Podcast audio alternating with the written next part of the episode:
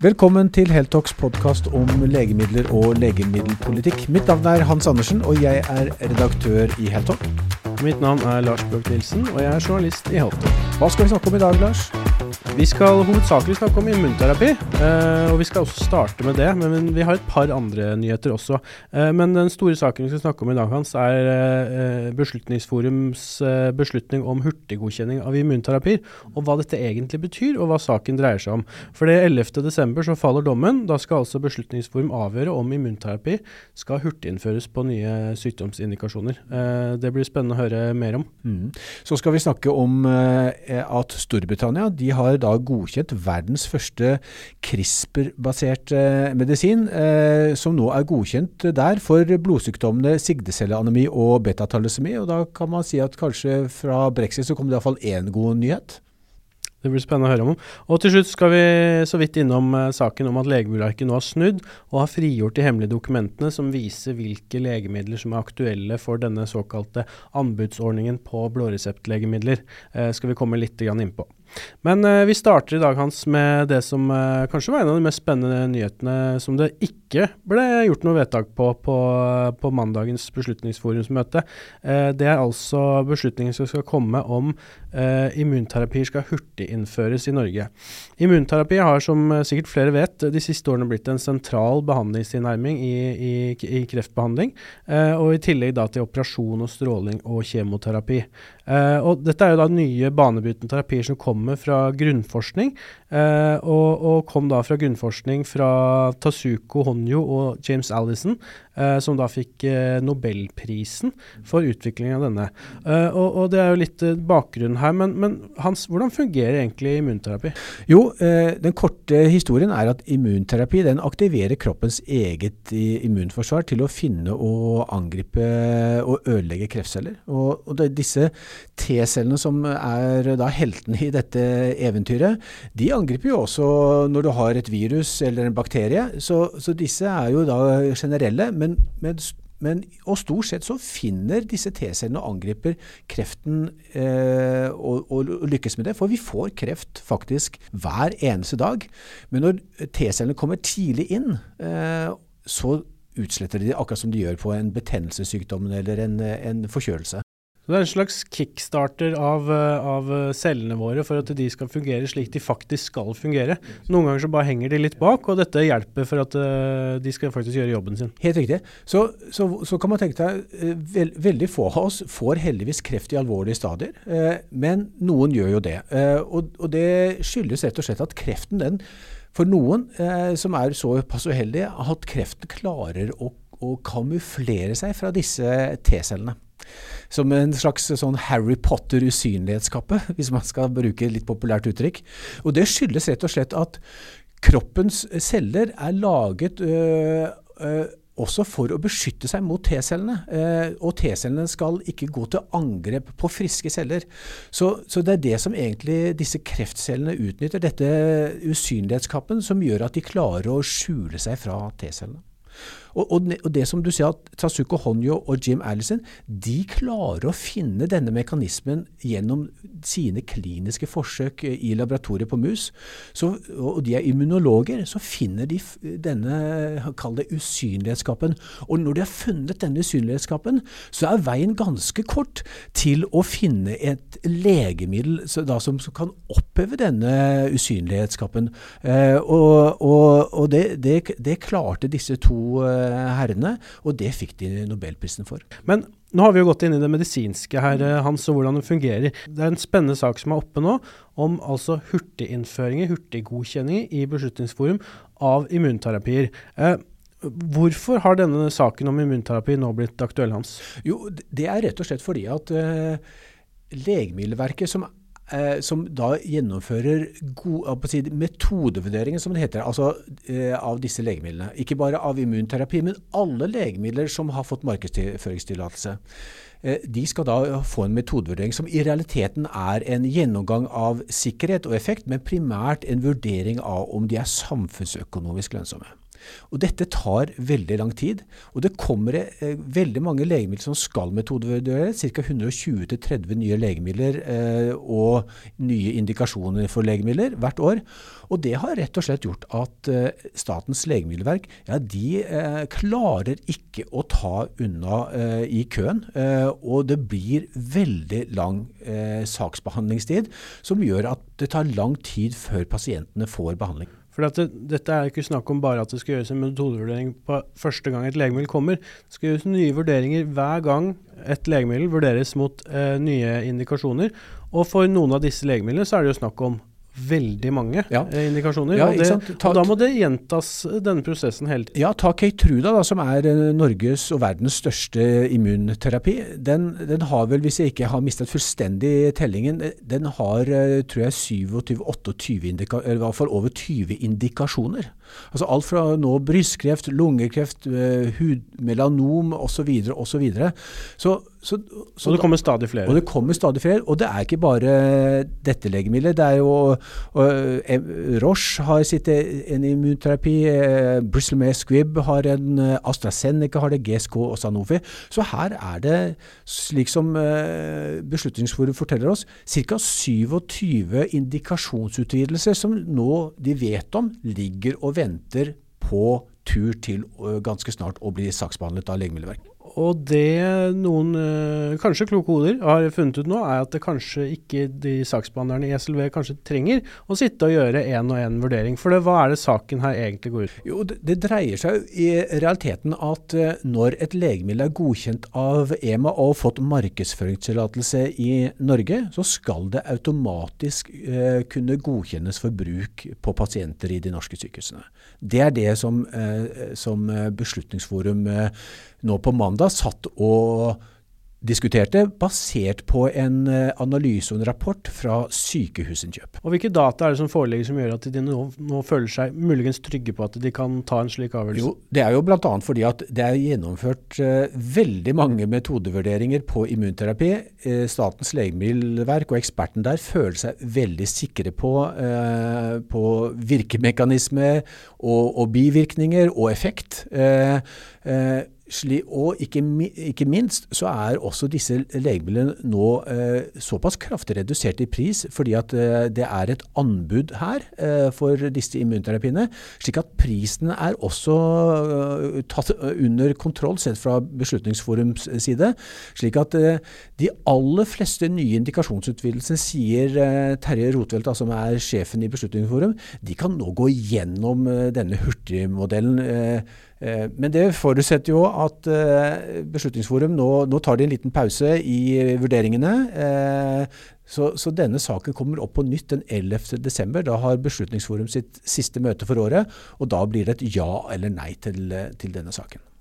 Hva tror du, hvis du skal se inn i glasskula hans, er det, er det, er det nok, nok, insentiver både fra industriens og det offentlige sin side til at dette er en sak som bør lett gå gjennom? Jeg, jeg, tror at den går gjennom. Jeg tror at uh, Beslutningsforum uh, vil ta ut et par indikasjoner. De vil alltid se vil alltid, De vil ikke binde hendene sine bak ryggen. De vil, uh, eller binde seg til masten, som Udyssevs gjorde. De vil ha frihetsgrader til å ta ut noen indikasjonsutvidelser og allikevel gjøre metodevurdering. Og det handler om de metodevurderingene som, eller disse nye indikasjonsutvidelser som kommer til å kan bli veldig dyre, altså som gjelder mange pasienter. Eh, men de aller, aller fleste eh, metodevurderinger tror jeg nå eh, Beslutningsforum, det er grunn til å tro iallfall, vil si at de kan gå gjennom en slik hurtig, hurtig modell. Og dette vil jo da kunne effektivisere en god del og sette av ressurser til andre. Og det vil ikke akkurat være noe mangel på andre saker å ta tak i for eh, SLV framover. Så vi vil regne med at dette vil være sårt tiltrukket kapasitet som de får nå på plass. Ja, det, det, det, er akkurat det. Og det er jo der eh, steinen i skoen ligger. Eh, jeg tror ikke Beslutningsforum hadde gjort dette uten at de hadde følt at det var så maktpåliggende å hjelpe Statens legemiddelverk til å frigjøre saksbehandlingskapasitet. Fordi at nå kommer det veldig mange mer avanserte legemidler som trenger den tiden og den, disse saksbehandlerne. Det kommer mye CAR-T, bl.a. innenfor myelomatose. De står og stanger. Det kommer ikke minst flere genterapier. Og det kommer, kommer antistoff, legemiddelkonjugater, som vi har snakket om mye på, på, på de kreftkongressene vi har vært på, Lars. Så det kommer ikke til å være sånn at Legemiddelverket, saksbehandlere og eksperter kommer til å, å få sitte og tvinne tommeltottene. Det skal jeg love deg. Uh, og helt uh, avslutningsvis nå så tenkte vi å, å, spille av fra et intervju som vi uh, gjorde på mandag med Terje Rotfeldt, leder i Beslutningsforum, hvor han får si litt nærmere om, om, den saken som da var oppe på mandag, og som da skal avgjøres på, på den 11. desember. Vi kan høre hva han sier. Dette er jo et av hovedtemaene i strategien for videreutvikling av nye metoder, er å forkorte saksbehandlingstiden. Og et av de konkrete forslagene som har ligget til grunn hele tiden, var å se på muligheten for å ha en alternativ måte å innføre disse mm, veldig mange indikasjonene for flere PD1L-hemmere. Mm. Og den rapporten er nå kommet. og har vært diskutert i fagdirektørmøtet, og nå er den diskutert her i Beslutningsforum. Og vi har stilt spørsmål og diskutert. og så har vi bedt om å få den tilbake igjen uh, til beslutning i neste møte. Mm. Kan du si litt om hva som, er, uh, hva som er det som holder dere litt tilbake med å, å fatte en sånn beslutning? For, for, for, historien i denne saken er jo at uh, Eh, dere la frem en, eh, til statsråden, helseministeren, i, eh, i, i, på denne tidspunktet i fjor en, en, rapport hvor dette her da, var en av sakene som dere egentlig anbefalte skulle gjennomføres. Men hva, hva har gjort at det har tatt såpass lang tid?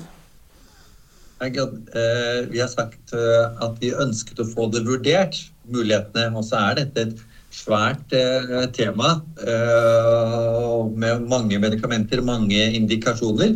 Så vi trenger eh, tid nok til å forstå de ulike sidene av dette. og Derfor så har vi valgt en tilnærming som vi ofte gjør i så store saker. At man har det til orientering og diskusjon første gang, og så kommer man tilbake til beslutning i møtet etter. Mm. Har ikke vi noe å legge til fra diskusjonen utover det som står eh, i notatene? Nei, ikke sant. Så du vil ikke komme inn på hva som på en måte er pro og kontra i, eh, i, eh, i det å gi et hurtig godkjenningsforløp på immunsjekkpunkthemmere? Nei, jeg har ikke noe å legge til annet enn det jeg har sagt om at det er en mm. stor beslutning. Eh, og en prinsippbeslutning med planlagt varighet over tre år. og Derfor så ønsker vi eh, en eh, bred diskusjon, og da over to runder, sånn som vi ofte gjør i sånne vanskelige saker. Er det andre legemiddelkategorier som dere også vurderer å, å ta inn i en slik hurtigbeslutningsmodell? Det er ingen andre som vi konkret har diskutert. Men det er jo en spennende tanke. Men nå skal vi først uh, fullføre den første spennende tanken, som åpenbart er det største området. Og så får vi se om det kan være aktuelt senere. Men det er ikke noen konkrete diskusjoner rundt. Helt, helt til slutt. Hvor mye tid kan Statens legemiddelverk, som er jo den som på en måte er flaskehalsen her, hvor mye tid kan de spare og, og benytte da til andre mer avanserte og, og, tidkrevende metodevurderinger? Det er jo litt avhengig av hvor mange metoder som det vil gjelde for fremover. Mm. Vi ser jo at det er ganske mange som er til beslutning, eller er, i, sorry, er til vurdering nå. Og så er de kommet til ulike land langt. Og så er spørsmålet hvor mange nye vil komme. Der man har gjort noen anslag. Men dette her er jo potensielt ganske mange vurderinger. Så det, vi mener at dette kan ha betydelig effekt samlet sett, uten at vi kan klare å angi et helt konkret uh. Vi går over fra immunterapi til uh, CRISPR. Uh, for noen kan det høres ut som en god sjokolade, men uh, det, det, er ikke det vi snakker om her. Dette er meget spesialiserte medisiner som, som, nå har blitt godkjent. Altså verdens første CRISPR-medisin blitt godkjent i Storbritannia mot blodsykdommene sigdecelleanemi og betatalasemi. Du, du, nevnte i stad, Hans, det kanskje det beste som har kommet ut av brexit. Hva, hva legger du i det? Ja, men, altså, det er veldig interessant, for før, så, altså, før brexit brexit så var jo Storbritannia også med i det europeiske legemiddelsamarbeidet, EMA, som Norge jo faktisk er. Og, og vi da Vi er med i, i den vitenskapelige komiteen. Men vi må jo sitte og vente til at byråkratiet i EU, som er da EU-kommisjonen, til slutt sier ja til å innføre, dvs. Si gi markedsføringstillatelse til et legemiddel. Men med brexit så meldte, måtte England melde seg ut av dette legemiddelsamarbeidet. Så nå har de, i likhet med USA, sitt egen, eget, eget godkjenningssystem. Og det ser vi faktisk eh, jobber eh, godt og effektivt. Og, og, her var faktisk England det første landet i verden, altså før også USA. Og det er oppsiktsvekkende, for USA pleier alltid å være først, eh, og FDA, til å godkjenne nye avanserte legemidler. Hvilke signaler sender det nå? Det sender vel et signal om at det kanskje at EU-byråkratene og ekspertene får eh, skynda på litt. Grann. Ja, for dette kan jo legge litt press på både EU- og USA-prosessene. Det at, at et, et, enkelt uh, land, da, eller, en, eller, en, union som uh, Storbritannia, nå faktisk går i bresjen for denne godkjenningen. kan du si bare litt kort om hva, hva det er godkjenningen går ut på? Jo, altså CRISPR, bare så å si det, det er også en I likhet med immunterapi, som vi hørte, så er jo det også et, en teknologi som har fått nobelprisen. Så, så, det er absolutt en veldig lovende teknologi som, da gen, som en genbasert teknologi. Dette er klippe og kutte og bytte ja. ut. og Forklar litt hvordan det fungerer. Ja, Det er veldig godt. Det, det, er en, Helt riktig som du sier, liksom visuelt. Da, det er som en saks som klipper altså Genene våre består egentlig av bokstaver. Så, så du klipper ut bokstavene slik, og, og, setter inn nye som er riktige, slik at du korrigerer for genfeil. mens du har den genmodellen som du har hatt til nå, som, som vi har bl.a. dekket på en del andre interessante GT-terapi, så, så, fraktes et virus, eh, et, et, eh, funksjonelt gen, inn, eh, inn, og repareres. Så dette er en, en mer direkte kan du si, reparasjonsmodell for genene. Man tar det rett og slett ut, mm. reparerer det, klipper ut, tar ut den som er funkt, setter inn ny, ja. og setter det bare direkte tilbake på plass. Mm. og det er rett og slett på en måte enkelt sagt slik det fungerer. Det er helt, helt råd. Og vi, vi, kunne hatt et eget program om CRISPR. og hatt, noen, Sigrid Bratteli, hatt med oss Sigrid Bratteli fra Kreftforeningen, som er en av de norske ekspertene på dette området. Veldig spennende. Eh, vi får hoppe videre til eh, siste sak for, eh, for dagen. Vi, vi, begynner å nærme oss slutten her nå. Tilbake til norsk sak. det har vært mye fokus rundt anbud på blåreseptlegemidler siste tiden. Og vi har vært en av mediene som har skrevet tett på dette her nå. og En av de siste nye tingene som kom i den saken, var jo nå at Legemiddelverket, SLV, har snudd og fjernet da sladden på, på en veldig mye omtalt blåreseptrapport, som da viste til hvilke legemidler som er aktuelle her. Eh, her kan du, du kanskje starte med, med, å si litt, hva, hva, er det man har kommet fram til i rapporten, og hvem er aktuelle? Ja, altså, eh, bare for å si det først. I fem måneder så har Legemiddelverket hemmeligholdt hvilke blåreseptlegemidler som de mener er aktuelle for å anbudsutsettes. fordi de som følger med på oss, de vet at eh, regjeringen har foreslått nå for Stortinget i statsbudsjettet for neste år at denne blåreseptordningen, blåreseptanbudordningen skal bli permanent. Og eh, den listen som nå er offentliggjort etter at sladden er fjernet, den viser at det er eh, veldig store legemiddelgrupper uh, samlet til en verdi av 1,9 milliarder kroner i omsetning, som, som som kan og mest sannsynlig vil bli satt ut på anbud, og som kanskje, hvis, hvis regjeringen får, eh, og, og prisforhandlerne i, syke, i, sykehuskjøp er, er, veldig gode, eh, så kan det spares opp mot et sted mellom 500 til 750 millioner kroner i året. Det er litt høyere enn det man har faktisk snakket om før, så man ser enda høyere eh, innsparingspotensial. Det har du helt rett i, og det skyldes rett og slett at eh, når denne listen nå ble eh, offentliggjort, så ser vi at det er flere legemidler og større legemiddelkategorier som er kommet med i det som Legemiddelverket vurderer som relevante for anbud. og Det er bl.a. SGLT2-hemmerne, som behandling av diabetes type 2 og hjertesvikt. Det er migrenelegemidler, altså CGRP-hemmerne, som er eh, store. Og så kanskje mest overraskende var det, det som kalles GLP-1-analoger til behandling av diabetes type 2, bl.a. Osempic, som vi har snakket mye om, og som brukes en god del eh, skal vi si, off-label, ikke bare i Norge, men ikke minst i andre land, til Man kan jo spekulere hvorfor det Ja. kommer i en, i en situasjon hvor, eh, hvor eh, det brukes ekstremt mye Ja. slankelegemidler, Ja. også da diabetesmedisiner off-label. Så, eh, så det er ikke noe tvil om at Legemiddelverket har sett den tendensen, og, og det har nok motivert de til å sette GLP-1-analoger på denne lista. Så det er jo dårlige nyheter for, for eh, de legemiddelselskapene som har disse legemidlene, og mange vil også kunne si at det er dårlige nyheter for pasientene. Eh, For det, det kommer til å begrense eh, den frihetsgraden som legen har til å forskrive legemidler. Så da må, vil typisk legene måtte velge anbudsvinneren til, eh, til pasienten sin. Eh, og så må du bare helt i spesielle tilfeller eh, og med god medisinsk begrunnelse kunne byttes eller eh, velge et, eh, et annet legemiddel som ikke er blant vinnerne. Ja, og vi har jo hørt fra flere pasientorganisasjoner som har uh, meldt sin bekymring. Og så får man jo se, da. Det, hvis noe sånt går gjennom, så vil man jo ikke uh, sannsynligvis prøve å få på plass en eller annen plan B for eh, de som det ikke funker for. Men vi vet jo ikke hvordan dette vil fungere i praksis før det eventuelt går gjennom. Og vi venter vel nå fortsatt på å se, se hvorvidt eh, Ja. det går gjennom. Og så kan man jo spørre seg eh, hvorfor eh, hemmeligholdt eh, Legemiddelverket dette i utgangspunktet, og hvorfor slapp man eh, dette løs da? Skal vi gjøre noen eh, refleksjoner på det? En av årsakene jeg tror til at de hemmeligholdte, det er jo tror jeg dels fordi at man har eh, Man kan kalle det Det er alltid en, en viss del av en hemmelighetskultur i departementene eh, til å hemmeligholde ting som er under saksbehandling. Fordi dette, eh, dette er jo innspill som regjeringen fikk i forkant av eh, under, under deres eh, forberedelser til statsbudsjettet for 2024. Så ok, da er det greit, i prinsippet eh, greit at saker skal unntas offentlig. Men når vi ser på hva som blir sladdet, så må jeg si at, eh, og det er en kritikk til Legemiddelverket, de hadde ikke trengt å hemmeliggjøre det.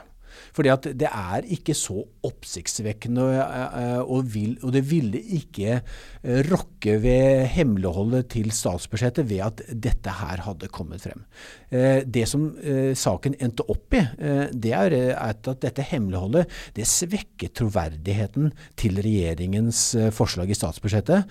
Og jeg tror det var igjen grunnen til at man valgte til slutt å fjerne sladden. For det som du sier, Lars, det har vært stor kritikk. Eh, fra Legeforeningen, ikke minst, fra pasientforeningene og selvfølgelig fra legemiddelindustrien, men særlig fra de to første, eh, at dette ikke har eh, vært, eh, vært et, smart dekk. Og da har det blitt heftet tvil om denne piloten, som det heter, altså denne anbudspiloten som de, som de startet med i, i år, at den var litt rigget, at den var tilpasset. Det er ikke sikkert det er sant, det skal ikke jeg sette meg til doms om, men når du begynner å hemmeligholde ting, så begynner du å, Da begynner folk å lure om, om det er et eller annet eh, ugler i mosen. Mm. Men eh, vi venter nå fortsatt på svaret om dette faktisk blir noe av, og det vil jo kanskje komme i løpet av året. Eh, Vi kommer til å få svar eh, nå helt eh, på tampen av, eh, av eller i, si, rundt 20. desember. Da kommer Stortinget, eller, og litt før det, da kommer helsekomiteen til å avgi sin innstilling. Eh, og da vil vi til statsbudsjettet, og da vil vi se om det er flertall for regjeringens forslag. Eh, kan, det, alt står og faller på SV. Eh, hvis SV sier ja, så blir det flertall, og det kommer til å bli anbud. Sier SV nei, så får regjeringen ikke flertall. Eh, sånn som saken er blitt nå, Lars, så tror jeg at Hadde du spurt meg for tre uker siden, så ville jeg sagt at dette er en sak som regjeringen kommer til å enkelt å få flertall for. Akkurat nå tror jeg at saken er litt mer komplisert. Eh, Så her blir det mer tautrekking, og det spørs hvor eh, mye SV får og ønsker å bruke dette som et forhandlingskort i, i budsjettforhandlingene. Mm. Det blir eh, i hvert fall spennende å se hva som skjer der. Eh, helt til avslutning så kan vi si, eh, Hans, vi driver med en spørreundersøkelse nå. Eh, hvor vi hører litt mer om eh, dere lesere og lyttere eh, av podkasten vår. Om hvordan dere ser på, ser på produktet vårt, og hva vi gjør bra, og hva vi gjør, kan gjøre bedre.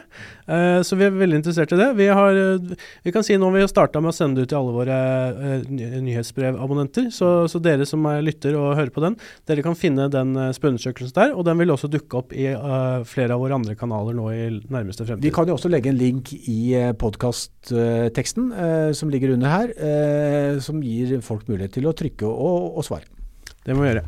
Og da sier vi bare takk for i dag, og så ses vi neste uke. Tusen takk for det.